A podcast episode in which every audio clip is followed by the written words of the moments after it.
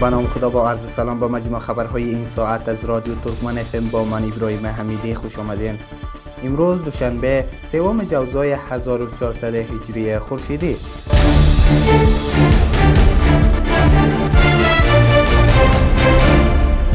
یک خانم انتحال کننده قبل از رسیدن به هدف در ولایت فاریاب از پا درآمد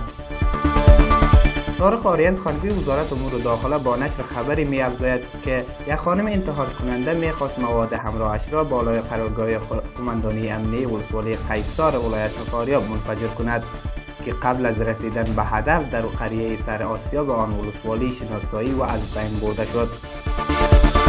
سخنگوی وزارت امور داخله همچنان گفته که به شمول انتحار کننده سه طالب تروریست کشته و سه تن دیگر زخمی شدند.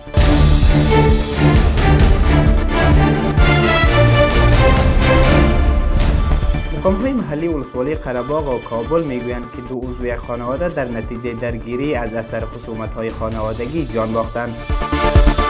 خوج محمد حنیف صدیقی ولسوال قرباغ ولایت کابل بر ها گفت که این حادثه ساعت نویسی یکشن بشه به دوم جوزا در روستای لوگری های این ولسوالی رخ داده است.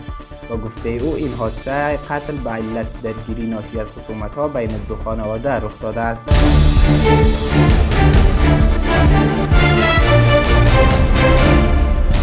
امنه طالبان بالای شش ورسوالی بدخشان عقب زده شد های محلی ولایت بدخشان بر رسانه ها میگویند که حملات تهاجمی جنگجویان گروه طالبان بر شش ولسوالی این ولایت عقب زده شده است نیک محمد نظری سخنگوی والی بدخشان گفته است که جنگجویان گروه طالبان شب گذشته بالای ولسوالی های راغستان، وردوج، یفتل پایان، جرم، خاش و درایم حمله کردن اما از سوی نیروهای دفاعی و امنیتی با شکست مواجه شده است آقای نظری بیان داشته که در جریان این درگیری ها جنگجوی گروه طالبان کشته شدند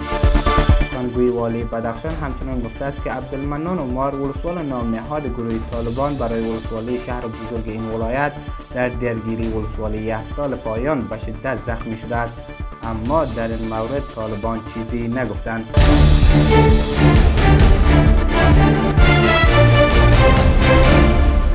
نیروهای امنیتی هشت نظامی را از زندان طالبان در ولایت بغلان آزاد کردند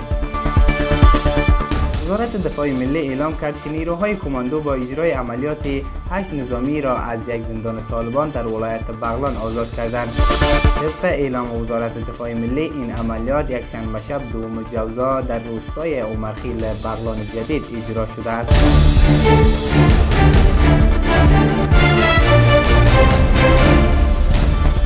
شدن نزدیک به 100 هزار نفر به دلیل جنگ و درگیری در کشور دفتر هماهنگی امور کمک های بشری سازمان ملل متحد گزارش داده است که در سال 2021 نزدیک به 100 هزار نفر به دلیل جنگ و خشونت ها در کشور از خانه هایشان آواره شدند بر بنیاد گزارش دفتر هماهنگی امور کمک های بشری سازمان ملل متحد بیشتر این آواره ها زنان و کودکان هستند با گفته این نهاد بیشترین درگیری ها در ولایت های زابال، حلمان، قندهار و اروزگان بوده است.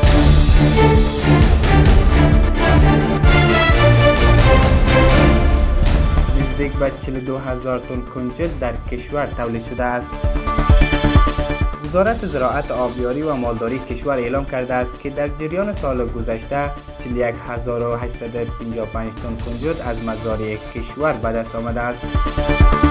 طبق خبرنامه وزارت زراعت که روز دوشنبه سوم جوزا نشر شد در جریان سال 1399 خورشیدی بیش از 41000 تن کنجد در کشور تولید شده است طبق آمار های ایرائه شده از سوی ریاست احسایه و معلومات وزارت زراعت این حجم کنجد از 65 هکتار زمین در سراسر افغانستان به دست آمده است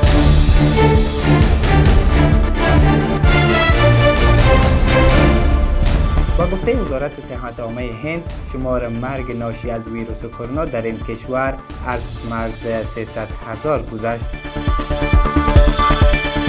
تنها در کمتر از یک ماه صد هزار نفر به اثر مبتلا به ویروس کرونا در هند جان باختند این کشور در حالی میکوشد با ازدیاد مبتلایان مبارزه کند کمبود تجهیزات از جمله اکسیژن و دارو نیز از دیگر مشکلات به شمار می آید اکنون هند پس از امریکا برازیل بیشترین تعداد مرگ ناشی از ویروس کرونا را ثبت کرده است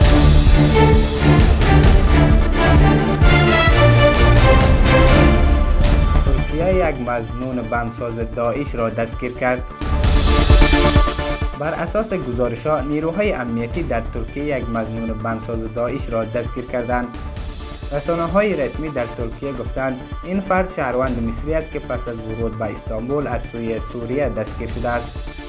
این دستگیری با مشوره نهادهای امنیتی ایالات متحده صورت گرفته فرد مزنون در امریکا تحت تعقیب است گفته شده فرد دستگیر شده قصد داشتد عملاتی را در ترکیه سازماندهی کند